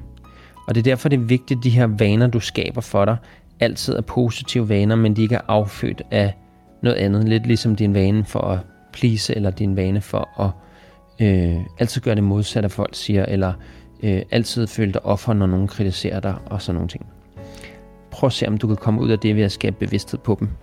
Og ud fra det, så kan du så nemlig træffe de bedste beslutninger. Øh, det behøver ikke være noget, du skal gøre på en gang, eller sætte dig ned og gøre øh, i lang tid, men jeg vil råde dig til i løbet af den her podcast også at skrive ting ned, som resonerer i dig. Fordi hvis ikke du gør det, så kommer du ikke til at huske det. Så hvis det virkede for dig nu at høre på det, jamen, så virker det endnu bedre at skrive det ned. Jeg tror, det er op til 15% bedre, man husker, hvis man skriver ned, og endnu mere, hvis man så lærer fra sig bagefter. Altså fortæller nogle andre om, hvad man har hørt, og siger, ja, du kan jo, det kan jo være en opfordring. Du må meget gerne dele den her podcast med nogen, du synes, der har brug for at høre det her. Og om ikke andet, så øh, tag dem i, i nogle af de opslag, jeg laver, som har noget med det at gøre. Øhm, eller hvis du hører den her på YouTube, eller på, på Spotify, eller på Apple Podcast, eller andre steder, jamen så øh, endelig del den, eller kommenter, eller hvad der ellers er muligt på den platform. Det betyder både, at min podcast bliver hørt noget mere, men også, at du er med til at hjælpe flere mennesker. Så det er ikke bare mig, der hjælper dem, men du faktisk også gør et stykke arbejde ved at dele den. Så det takker jeg dig for allerede. Det er jeg meget taknemmelig for. Så når du har stress, gør mindre, sid og mærke mere. Det talte jeg om tidligere. Det er faktisk bare invitationen ved stress. Kom hurtigere ud af det ved at gøre så lidt som muligt, og det kan være svært nok. Jeg plejer at sige, hvis jeg skal meditere, og jeg har mylder i tankerne og alt muligt andet. Og gøre mindre betyder så ikke, at du skal meditere. Og nu skal du sætte dig ned og meditere. Nej, det, du skal bare sætte dig ned og være. Bare sæt dig ned. Og ikke gøre noget. Lyt til det her, for eksempel. Altså, du, du skal ikke gøre noget. Du kan også sætte den her på pause, og så bare lytte til stillheden. Lyt til din egen vejrtrækning. Der er ikke noget, du skal. Der er ikke noget, der er forkert. Der er ikke noget, der ikke er rigtigt. Det rigtige starter først, når du begynder at tige stille og være stille, og sidde i ro og finde ro. Så det håber jeg, at, øh, at du tager seriøst, hvis du er stresset. Og ja, det føles irriterende og ubehageligt og sådan noget, men ved du hvad? Det går over. Når du har gjort det hver dag, så bliver det meget, meget nemmere. Øhm, så sid ned og mærk mere. Og når jeg sidder ned og mærker mere, og, øh, og prøver at mærke min krop, og ligesom, ja, som jeg sagde før, meditere og sådan nogle ting, så, så kan jeg bare mærke, at, at det giver, gør så mange gode ting for mit nervesystem. Og øh, ja, det kan jo faktisk hele dit nervesystem. Der er masser af ting, du kan slå op på Google om øh, ting, der kan dulme og, og hjælpe dit nervesystem. Øh, man ved at gurle, for eksempel, altså have vand i munden, og så gurle med vand i munden. Der er nogle forskellige ting. Den stimulerer det, der hedder vagus nerve, som jeg ikke rigtig ved, hvad hedder på dansk. Men, øh, men det, det kan også dulme, så, så der er nogle værktøjer, du kan bruge der til næste gang, du tager, står og tænker, ej, ej, ej, ej, ej. Lav en liste over alt det gode, du får ud af smerten og den stress. Så det er jo også en taknemmelighedsliste, en, en, øh, en tilfredshedsliste. Men som jeg sagde, jo tættere du kommer på kernen i at skrive ned omkring det emne, som du synes er hårdt, finde de fordele ved det. Ej, hvor er det fedt, jeg lærer det her af stress, eller stressen er faktisk bare min krop, der healer. Så tak krop for at fortælle mig, at jeg har overskrevet dine grænser, for eksempel. Vi er heldige, at vores sunde krop reagerer. Så øh, det er bare om at få noget af det der N-vitamin, som jeg snakkede om. Men øh, hvis vi stopper med at please, så stopper vi med at manipulere, og, øh, og det er alligevel ikke din opgave at gøre andre folk glade. Det er deres egen opgave at gøre sig selv glad, og det er også din opgave at gøre dig selv glad. Så stop med at hele tiden være over i alle andres kurv, eller område, eller øh, afskærmet område, for at, fordi du så gerne vil fylde og skal ja, være noget for dem. I stedet for så prøv at være autentisk ved at sige fra og til, når det føles rigtigt. Og så stop med at tænke på, hvad hvis nu det gør nogen ked af det? Du kan jo se folks reaktion, og hvis det gør dem ked af det, så kan du sige, du skal bare vide, at jeg ikke sagde det for at gøre dig ked af det, men jeg har det bare sådan her. Jeg føler bare sådan her, og det er okay. Hvis du er meget stresset, hvis du øh, føler, at der er nogle af de her ting, som de her værktøjer, som du godt kunne tænke dig at have med som en daglig ting, og du godt kunne tænke dig at øh, blive bedre til i det hele taget at rose dig selv og meditere og øh, spise sundere og være mere balance emotionelt og fysisk og har måske endda brug for at snakke med nogen om det, så har jeg et coachingforløb, hvor jeg laver et videoforløb, et dagligt forløb. Det var en 30 dage, den kan også godt være øh, et forløb, der var 60 dage, og så afhængig af hvor slemt det står til, så kan man også regulere det til mere. I det coachingforløb, så er det sådan, at vi hver dag skal jeg bruge dig i minimum 3-5 minutter, hvor du indtaler og, øh, og kommunikerer til mig, hvad dine problemer er, hvad der udfordrer dig, hvad, hvor dine tanker ligger, og hvad du vil gøre for at gøre det bedre. Og også blandt andet, hvad ser du frem til i din dag. Og så kommer jeg som med feedback hver dag, som støtter dig og holder dig, og, og hvad kan man sige, på mange måder holder rum for, at du skal være dig, og du på alle mulige måder har ret til at være og føle lige præcis det. Så det er, en, det er et coachingforløb, som gør, at man bliver meget bedre til at føle sig frem og mærke, hvad ens følelser egentlig prøver at sige. Øhm, det er især godt også til mænd, som har svært ved at anerkende sine egne følelser og ture og træde ind i deres maskuline roller. Når det er sagt, når man er nede, så skal man nyde at bede om hjælp fra andre. Altså acceptere, at andre gerne vil hjælpe en. Du er faktisk med til at gøre dem glade. At bliver du ikke også glad, når nogen siger til dig, ej, du er så god til at hjælpe, og du har så meget styr på det her. Kunne du ikke godt hjælpe mig? Det vil betyde så meget for mig. Men slip din kontrol, og lad andre folk prøve at få lov til at komme og hjælpe dig. Så du skal ny, nyde og bede om hjælp, når du har det svært. Det er så vigtigt. Vi er fuldstændig connected alle sammen, om du ved det eller ej. Vi er alle sammen forbundet. Så hvis du nogensinde har dykket ned i butterfly effekt eller nogle andre ting, så vil du vide, hvad jeg snakker om. Øhm, hvis du nogensinde har prøvet psilocybinsvampe i øh, terapi, så vil du også vide, hvad jeg snakker om. Der finder man virkelig ud af, at vi alle sammen er forbundet. Og øhm, det er en meget, meget smuk oplevelse. Øhm, så altså, når du er nede, så skal du undgå at prøve at være noget for andre. Og det er øh, i hvert fald for en tid.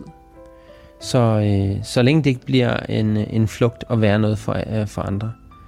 Fordi det, det, der ofte sker, det er, at vi glemmer os selv, og så er vi der for andre, og så glemmer vi at sige, Nå, jeg skal også hjem, og nu er jeg træt. Så vi lader det ligesom køre og prøve at ekstra præstere. Og så kommer adrenalinen og kortisonen og ødelægger det for dig, og den er faktisk med til at nedbryde din krop, som jeg sagde før. Så igen også, få noget søvn nok. Og ved du hvad, noget som dyr gør, og som jeg også lærte på min klavianceuddannelse, det er, at når de, jeg kan se det på Carters her, der ligger ved siden af mig, hunden her, han, øh, når han er i en eller anden ting her i dag, var der en, en hund, han skulle møde for første gang, og den blev med at knurre af ham, og de skændtes, og tog han hunden, ikke? Og, øh, og hver gang der skete et eller andet, så gik der lige sådan 3-10 sekunder, så rystede han sig. Og hvorfor gjorde han det? Hvorfor ryster hunden så? Det er jo ikke fordi, de er våde jo hele tiden. Det er jo fordi, de ryster det af sig. Det er sådan, de kommer af med angst og frygt, og det kan du også gøre. Det kan godt være, at vi ikke kalder os selv dyr, men vi er dyr. Vi er lige så meget dyr som alle mulige andre. Vi har bare en anden bevidsthed. Så meget vigtigt. Prøv at rejse dig op lige nu. Også, det kan også godt være din kæreste eller mand, eller no, nogen på restauranten, eller uh, mens du er ude og gå, kigger mærkeligt på dig. Men prøv at ryste dig som en hund, så du får rystet alle dine lemmer. Eller gå ud på toilettet, hvis du har været til et møde, der fylder meget, eller generer dig, eller har stresset dig, eller du skal til et møde, og du gerne vil nulstilles inden. Gå ud lige og brug 10 sekunder på at stå og ryste Altså, du ikke ryste i alle 10 sekunder, men ryster et par sekunder, og så lige børster lidt af, og så ryster igen det hjælper altså rigtig meget, og det hjælper også at klappe på sin krop, altså så du starter nedefra på dine ben og opad. Det er også en rigtig god strategi til at komme hjem i sig selv og få noget jordforbindelse. Øh, gør en ting hver morgen, som motiverer dig. Yoga, red din seng, eller syng en sang, nyd en sang, hør en sang. Lav et mantra, som motiverer dig. Nu sagde jeg før det der mantra omkring, øh, at jeg kommer først. Jeg er det vigtigste i mit liv. Øh, find på noget, du vil gøre hver morgen, som vil hjælpe dig, og som vil få dig tættere på dig selv. Øh, fordi når du har udrettet den her ting, så begynder dit liv at give mening, for du begynder at have disciplin, du begynder at have struktur på din hverdag, og øh, når du sætter dig noget for, og du lever op til det, så er du i integritet med dig selv. Og på den måde, når du er det, jamen så, øh, så er du bare meget mere forbundet til din essens og, og det, det vil motivere og øh, styrke dit selvværd og din måske også selvtillid. Så øh, selvtilliden er også vigtig at have med. Øhm, når vi mister noget, så giver det jo faktisk bare plads til noget nyt. Og øh, man plejer også nogle gange at sige det der, når en dør smækkes, så åbnes en ny. Og i virkeligheden kan man sige, hvis du er bare lidt spirituel, så er det jo skønt, at universet gør plads til noget nyt. Altså, what's not to like? det er da super genialt, at øh, du får lov til at øh, og, og simpelthen connecte med noget nyt. Men først skal det gamle øh, ned, for det nye kan komme på. Og du kan tænke på, alt i livet er sådan her. Kig på bladene på træerne, de falder af. Selv hvis du skærer et træ ned, så vokser det op igen, et nyt træ ved siden af med nogle nye blade og det kan tage flere år at bygge noget op igen, men det er heller ikke det samme træ, den bygger op. Det er et helt nyt træ. Det er heller ikke de samme blade, der vokser ud. Det er nogle nye blade. Og for hver gang træet har gjort det rigtig mange gange, jo bedre struktur, jo bedre rodnet værk, jo bedre etableret bliver det træ, og det gælder også for dig. Så husk, at der er altså, det er okay at have en afsked med det, der er slut. Det er okay at have en afsked med sit arbejde, om at man ikke kunne være den på arbejde, man gerne vil, og man har stresset sig selv ned. Det er okay at, at at venskabet endte, og man ikke kunne være bedre i det venskab, og man ligesom måtte give afkald på det. Det er okay, at ting nedbrydes, fordi det giver plads til, at det kan opbygges igen. Og nej, det kommer ikke til at ske på en gang, og det er heller ikke sundt, at det sker på en gang. Det meste af tiden i hvert fald. Nogle ting kommer til at ske naturligt. Men jo mere du tør læne dig tilbage i den her tillid til, at universet har din ryg, jo mere du har tillid til, at du er på rette vej, jo bedre er det. Jo mere mm, energi får du, jo flere mennesker du siger nej til og siger ja til, når du mener nej og når du mener ja, jo flere af de rigtige mennesker kommer ind i dit liv. Det er altså ikke sådan, når du møder en masse mennesker og siger nej til dem hele tiden, så bliver de ikke ved med at komme. Og hvis de gør, så er det jo bare fordi, de skal øve dig på og sige nej nok gange til, at du ved, hvad du skal sige ja til. Så, så sørg for at prøve at have fokus på at have tillid til den her proces, også selvom den er hård, også selvom det er svært. Det kommer til at være en af de mest lærerige processer. Det er min top 5 mest lærerige proces, det var at have depression. I hele mit liv og alt, hvad jeg har oplevet af alle mulige fantastiske og forfærdelige ting, så er det nogle af de største ting, jeg har oplevet ved at have tillid. Læne sig tilbage og sige, der er en grund til, at alting sker. Også det, der er strengt, og også det, der er unfair, og alt muligt andet. Livet er unfair. Det er det, vi lærer af. Det er jo, det er jo for at hjælpe os til at se, her er spillereglerne. Noget kan være unfair og så videre, men du skal ikke regne med, at tingene bare bliver fair. Jeg har lige lavet en post i dag, der hedder øh, No one is coming to save you, but you. Altså, ingen kommer og redder dig andet end dig. Du er den eneste, der kan redde dig selv. Hvis du vil have en bedre verden, så lav den. Hvis du vil have et bedre venskab, så lav det. Hvis du vil have et balanceret forhold til nogen, så skab det. Det handler altid om det, du gør, og ikke det, andre gør. Der kommer ikke nogen udefra og opdager dig og siger, Nå, ej, vi har gået og let efter dig hele vores liv. Det sker så sjældent. Og det, det er ligesom folk, der spiller lotto. Det sker så sjældent. Det er, det, det er en ærgerlig måde at satse på, men selvfølgelig, det er, du løber en risiko, du satser dine penge. Det kan også lære dig rigtig mange ting om livet. Så øhm, du er på rette vej, og du skal faktisk ikke gøre noget for at være god nok. Så den her tillid, den er så vigtig. Hvis du har tillid til din skæbne vej, du ved jo ikke, hvad du skal lære i det her liv, medmindre du har sat dig en mål, hvad du gerne vil lære, men du ved jo reelt ikke set, vi ved reelt ikke, hvad der kommer til at ske, når du kommer ud på den anden side af dit liv, og du så døde, og du så kunne kigge tilbage på dit liv og sige, Nå, det var det her, jeg blev. Vi kan ikke engang selv se, hvad vi er for andre. Vi ved slet ikke, hvordan de har tolket os. Det er også derfor, det giver mening længere at gå op i, hvad andre folk synes, eller mener, eller tænker om en. For du kan ikke styre det. Du kan tværtimod være fokuseret på at være den, du er, så du begynder at tiltrække de mennesker, der synes, du er nice. Som netop kan se, at du har tillid til universet. Som netop kan se, at du er en inspiration for andre. Jo mere autentisk du er, jo mere autentiske mennesker møder du, eller dem, som vil ønske, at de var ligesom dig. Tillid til din skæbnevej. Det kunne jeg lave et helt podcast afsnit om. Så øh, jeg har nogle enkelte punkter mere her, som jeg vil snakke om, før vi øh, runder podcasten af. Jeg håber som sagt igen, at du øh, får noget ud af det her, og du får skrevet noget undervejs. Og jeg håber også, at du vil dele den her podcast med nogen, som kan bruge den til noget. Nu skal vi lige høre fra vores sponsor. Sponsoreret af macgeni.dk din Mac- og PC-ekspert. Hvis du derude også sidder og tænker, at du gerne vil være sponsorere noget på min podcast, der er relevant for, for noget af det, jeg taler om, så siger jeg lidt til. Jeg kommer også med et afsnit faktisk på et eller andet tidspunkt i løbet af podcasten med mine uh, top 20 gadgets, uh, som du ikke kan leve uden. Så det kan, det kan, det kan være rigtig mange ting. Men uh, hvis du har brug for at sponsorere noget eller donere noget, så kan du trykke ind på min markbarner.dk eller uh, gå op i min Mark Barner øh, på Instagram, og der er, en, der er et link oppe i toppen til All My Links, og så er der faktisk en donationsknap. Øh, det gør i hvert fald, at øh, jeg kan blive ved med at have noget lækkert udstyr og invitere nogle gæster, og ja, bare holde den kørende, som, som jeg gør. Men jeg har jo passionen, så jeg vil nok fortsætte på, på alle mulige måder, så godt jeg kan. Øhm, men øh, det håber jeg, du vil gøre. Når du er deprimeret, og når du har været igennem noget, der er svært, eller når du er stresset, og du har været igennem noget svært, Sæt dig og skriv ned og vær tydelig omkring, hvad du har lært af det her. Vil du gøre de samme ting igen og havne det samme sted? Har det været det værd at gøre det?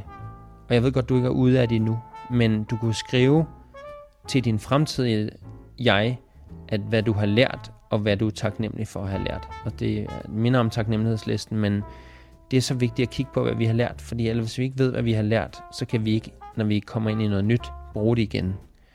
Og øh, der er rigtig mange mennesker, der ikke har lært af vores historie. Det kan jeg jo se her i coronatiden. At med alle de restriktioner, der var, det er noget, vi har lært i fortiden, ikke virkede. Og alligevel gjorde alle mulige mennesker det.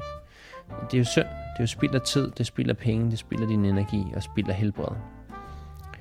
Så en stor ting, der er for at leve et bedre liv, det er at tage en risiko. Løb en risiko. Tag nogle risici i dit liv. Du lever kun det her liv, og vi lever faktisk allermest, når det er, vi tager og løber en risiko. Når vi satser noget på noget og går efter noget og laver nogle mål og siger, det er det her, jeg gerne vil. Det er det her, jeg går efter. Det er her, jeg lægger min energi. Det er her, jeg investerer mig. Uden at arbejde mig flad, uden at gøre et eller andet. Men jeg, jeg gør det, fordi det er noget, jeg gerne vil. Så de drømme, de tanker, de følelser, du har på ting, du gerne vil, det er noget med at simpelthen også få ridset dem ned på et papir. Og gerne noget, øh, som du kan hænge op og huske dig på hver dag. Nu talte jeg om ritualer om morgenen. Det vil være smart at have sådan et, man taler nogle gange om sådan noget, der hedder et vision board, hvor man sidder og klipper en masse ting ud, og så klister man det op. Og det kan også bare være ting, man finder på vejen, eller noget andet, man synes er inspirerende. Du kan også lave det digitalt. Der er masser af apps, der kan lave vision boards. Men at løbe en risiko ved at gøre noget, der er svært i dit liv.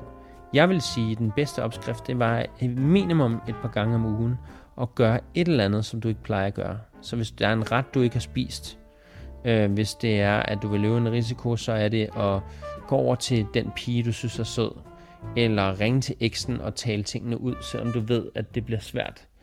Øhm, ring til dine forældre, du ikke har haft kontakt til noget tid, og fortæl, hvor du står og hvordan du har det. Øhm, ja, foren dig med, med dine søskende eller dine venner, som du ikke har talt med lang tid, og sige, jeg ved godt, det er akavet, at vi ikke har talt sammen længe, men jeg har besluttet mig for at løbe den her risiko ved at række ud. Når vi løber en risiko, og vi kommer ud af det på den anden side alligevel, så vil vi kunne mærke en kæmpe energiskift. Så ja, jeg plejer at sige, øh, jeg plejer at sige mange ting, men en af de ting, jeg plejer at sige, det er faktisk øh, en af de her mantraer, jeg har. Det er, do one thing each day that scares you. Gør en ting hver dag, som gør dig en lille smule bange. Og det kan være de der helt små ting, om at ringe til chefen og spørge om et eller andet, eller øh, tage telefonen, når den ringer, når du ikke har lyst til at tale med det vedkommende, men alligevel tænker, jamen jeg skal tale med vedkommende, jeg kan ikke tage den nu. At få ting klaret eller overstået, det kan være ganske fint, så længe du gør det i en god energi, om at du gerne vil løbe en risiko og gøre noget. Øh, jeg kunne tale meget længe om det her, øh, af de her små øh, tips, øh, og det var mange af de samme tips og tricks, jeg gav til min veninde, som jo netop går igennem et, øh, et breakup. Så nu talte jeg før om disciplin, og jeg talte også om at løbe en risiko, og jeg talte om at skrive de ting ned, som øh, har øh, gør dig til en tilfredshedsliste og en taknemmelighedsliste. Men hvad er dine prioriteter? Hvad er det, du gerne vil have styr på dit liv først? Hvad er aller, aller, aller vigtigst for dig at få styr på lige nu? Prøv lige at tage dig et øjeblik og tænke over det. Hvad er aller vigtigst lige nu for dig at få styr på? Og hvorfor er det vigtigt? Hvorfor er det så meget vigtigere end alt andet? Det er et spørgsmål til dig. Hvorfor er den her ting vigtig? Og hvorfor er det, du gerne vil have den her ting klaret? Hvad er din prioritet med at få det her klaret som noget af det første? Hvorfor er det vigtigt, hvad du vil opnå? Og det du vil opnå ved den her ting, er det, er det noget, der er så højt placeret på listen, at hvis nu du kunne få løst alle andre problemer, på nær den her, vil du så stadigvæk ikke være glad. Forstyr på dine prioriteter. Det her var bare nogle testspørgsmål. Det er simpelthen... Øh, det er så skadeligt at klage sig. Det er fint at brokke sig et øjeblik, når du er frustreret og være i en følelse. Men når du går og klager, øh, så, så er du i gang med at, øh, og ligesom at fjerne dig selv fra dig selv. Hvad har jeg skrevet her? Stop med at klage dig, og start med at lave et forsvar til dit brok. Og det var det der forsvar, jeg talte om tidligere, jeg havde lært af Tony Robbins, som var, at når jeg tabte noget på gulvet, så i stedet for at flippe ud, så jublede jeg. Det er et forsvar. Hver gang jeg tænker, wow, hende der pigen derovre, hun ser rigtig sød ud. Nu har jeg set på hende i et par minutter. Og jeg synes bare, hun er så fin og sød, og jeg vil vildt gerne lære hende at kende. For der er et eller andet over hende, jeg ikke kan lade være med at være fascineret af. I stedet for at jeg sidder og siger, hvad skal jeg så sige, og hvad skal jeg gøre, så laver jeg et forsvar på min usikkerhed. Og mit forsvar er så at rejse mig på sekundet og gå over til hende, og så skal jeg jo sige et eller andet. Og det jeg typisk siger, det er, at jeg bruger min ærlighed, så siger jeg, mm, øh, ja, sorry, jeg kommer lige over og forstyrrer dig. Øhm, nu er det forskelligt fra gang til gang, hvad jeg siger, men jeg sad derovre og prøvede at overtænke, hvad jeg skulle sige til dig. Jeg synes simpelthen, du ser så sød ud, og jeg fik bare sådan lyst til at komme over og lære dig at kende, og det behøver ikke nødvendigvis være romantisk, men ja, der er bare noget over dig, som jeg gør mig enormt, nys- enormt nysgerrig. Er, vil du være frisk på at gå ud og tage en kop kaffe eller noget, eller, eller er du allerede sat i et forhold, der ikke synes, at det har rummelighed til det? Jeg synes bare, du virker utrolig sød. Øhm, og så kan jeg jo se, hvad hun svarer. Jeg kan også bare gå over og sige et eller andet helt standard til hende. Men jeg gør det med det samme. Jeg løber den risiko, og så reagerer jeg med det samme. Så jeg stopper med at klage mig over, ej, ej, prøv at se hende derovre, hun er så lækker. Altså, jeg kan jo ikke få sådan en pige der. Ej, det kan jeg ikke. Og hvad skal jeg også sige til hende? Og ej, det er også fordi, jeg har også ondt i mit ben nu, eller mit hår sidder også dårligt, eller... Og når du har det hårdt generelt derhjemme, så undgå at klage dig. Det hjælper ikke. Det hjælper ikke at klage dig længere tid. Det er folk, der klager over vejret hver dag, det er sådan en dansk mentalitet. Det eneste, det skaber, det er bare mere brok. Og, og det skaber faktisk afstand til andre. Og de mennesker, du så er omkring, gæt hvad de også godt kan lide. De kan også godt lide at brokke sig. De kan også godt lide at klage sig. Eller også, at de er bange for at klage sig, er bange for den her dårlige stemning, fordi de er pleaser, så de prøver så at hægte sig på dig og hjælpe dig med at fikse det og sige, nå ja, men det er nu også meget godt med regn en gang imellem, eller nå ja, men altså, vi får sikkert også en lønforhøjelse næste år, eller så når du klager dig, så, så kommer der ikke noget konstruktivt ud af det. Så prøv at se, om du ikke kan skabe det modsatte ved at lave et forsvar og sige, hvad er det? Og det her virker faktisk også mod OCD. Når du siger, ej, jeg har rigtig jeg har overtænkt det her. Den her tanke har jeg overtænkt, eller jeg tør ikke det her. Så det du absolut hjælper dig, det der hjælper dig allerbedst, som jeg vil anbefale dig at gøre, eller min invitation til dig er at gøre, det er simpelthen at gøre det, du er bange for. Og prøv at forestille dig, hvor meget angst det skaber. Det ved jeg, jeg er selv OCD. Men jeg er kommet over det, 98% af det, fordi at jeg, og jeg bruger også meget min OCD i mit arbejde, som tjener mig mit bedste, absolut. Men prøv at forestille dig, hvor, altså, hvor fantastisk det kan blive, hvis du kan vende det her om. Så med det vil jeg sige, jeg er simpelthen blevet så træt undervejs. Det bliver faktisk sjældent, men øh, jeg er så taknemmelig for dig, og for at du har lyttet med. Og jeg håber, at selv med de sidste lidt råde ord, at du øh, med et forsvar kan bygge dig om og hacke dig selv til at blive en bedre version af dig. Og det første skridt på vejen var jo selvfølgelig bare at sidde med følelserne. Hvis du er svært ved lige at huske alle de ting, jeg sagde, så vil jeg anbefale dig, at du øh, hører den igen. Du kan eventuelt speede podcasten lidt op. Nu snakker jeg foran lidt hurtigt, så det er ikke sikkert, at den kan speede så meget op. Men der er sådan en knap, man kan trykke på, hvor man kan høre tingene lidt hurtigere hastighed. Og så kan du lige tage nogle noter undervejs, hvis ikke du allerede har gjort det. Jeg håber igen, du vil dele den her podcast, og øh, ja, øh, i det hele taget øh, hjælpe andre, når det er, at du har hjulpet dig selv først. Man kan jo sige, at du skal ikke gøre så meget andet end bruge de tricks, som du nu synes, du kan bruge for den her, og de gode råd, jeg har haft. Og igen, har du brug for at booke en session, så rækker du bare ud til mig på Instagram eller via mine links. Jeg har forskellige steder.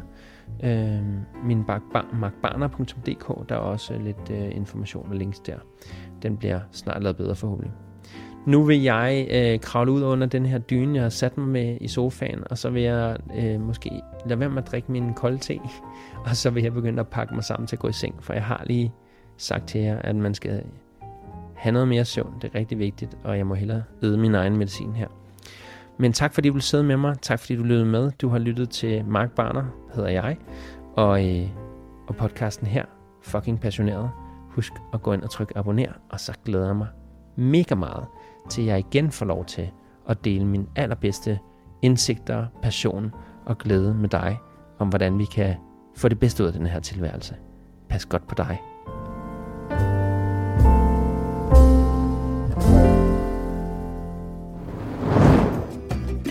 Sponsoreret af macgeni.dk Din Mac og PC-ekspert.